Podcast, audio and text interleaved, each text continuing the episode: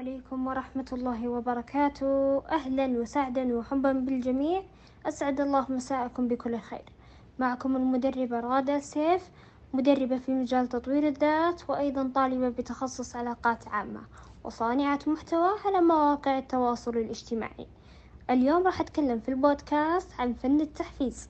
أتمنى أن تنعكس عليكم الفائدة منها. ما هو التحفيز؟ التحفيز شعور داخلي لدى الفرد يولد فيه الرغبة لاتخاذ نشاط أو سلوك معين يهدف منه الوصول إلى تحقيق أهداف معينة. ماذا تحفز نفسك؟ عندما تشعر بأنك طاقتك أو بأن نشاطك البدني أو النفسي قل ولم يعد له الأثر في تحقيق أهدافك. عندما تراودك مشاعر بأنه لا داعي ولا جدوى من تحقيق أهدافك. تحفيز نفسك كي تشجعها لمضاعفة مجهوداتك والإسراع في تحقيق أهدافك. عندما تريد الإقدام على أي خطوة ترى أنها ناجحة ويصاحبك إحساس بعدم قدرتك على القيام بها. كيف تحفز نفسك؟ حدد أهدافك في الحياة واكتبها. أيضا عن طريق الألفاظ والكلمات والأقوال التشجيعية لنفسك. أيضا كافئ نفسك عند أي نجاح أو مجهود يستحق الإطراء بأن تشتري لنفسك هدية. اقرأ كتب الناجحين وسيرهم. ثقتك بنفسك تساعدك في تحفيز ذاتك.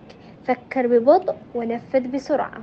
تحلى بالإيمان فإن الإيمان بالله سيجعلك تتعلم أن كل ما يحدث هو في مصلحتك. متى تحفز نفسك؟ عندما تشعر بانخفاض طاقتك أو نشاطك أو حماسك لإنجاز أعمالك وتحقيق طموحاتك. عندما تراودك مشاعر بأنه لا داعي ولا جدوى من تحقيق أهدافك. تحفيز نفسك كي تشجع لمضاعفة مجهوداتك والإسراع في تحقيق أهدافك.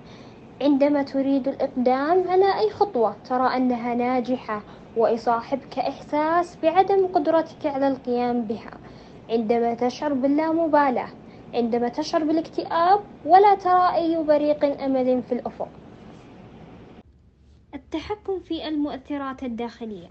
أن تقول لذاتك ألفاظا وأقوالا وعبارات تشجيعية. برمج عقلك الباطن بمجرد تكرارها والاعتقاد بها. ستجد تقوي دافعتك لتحقيق أهدافك. توقف عن التحدث سلبا للنفس فإنه يقلل من ثقتك. فكر بإيجابية إنما يجعلك تشعر بالسعادة أو الحماس أو القوة عبارة عن مجرد أفكار إيجابية تزرعها أنت في داخلك. أيضا خصص وقتا لتقدير عملك المتقن. حاول نفسك دائما وتذكر أفضل جهودك. اجعل لك خطة ذات أهداف. التحكم بالمؤثرات الخارجية. ابتعد عن السلبيين وصادق الإيجابيين. في بداية كل يوم تقول لنفسك أنا اليوم مهما سمعت من كلام سلبي من مؤثرات خارجية فلن يؤثر علي شيء وأنا سعيد. كلمات عن التحفيز. السر الحقيقي وراء النجاح هو الحماس. القدرات الغير مستثمرة هي قدرات مهدورة لا شيء عظيم يمكن أن يتحقق فجأة. وفي الختام أتمنى أنكم استمتعتوا في هذا البودكاست. لا تنسون تتابعونا على مواقع التواصل الاجتماعي. دمتم بخير. صحوت من سباتي من غفلتي عن ذاتي وما الذي فعلته إلى متى في حيرتي. أنا الذي قد تاها أسير في متاها وكلما وصلت وجدتها لتنتهي ضقت درعا بضياعي هل وجودي دون داعي. كلما واجهت نفسي عدت منها إلى قناعي كم عثرت وانكسرت ثم قمت وانتصرت فوق آلمي عبرت للحياة. كم عثرت وانكسرت ثم قمت وانتصرت فوق آلمي عبرت للحياة.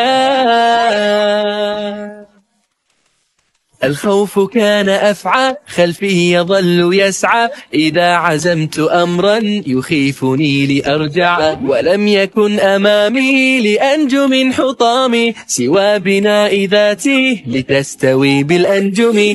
ذكرياتي من ورائي وعيوني للفضاء لن ينالوا من سمائي.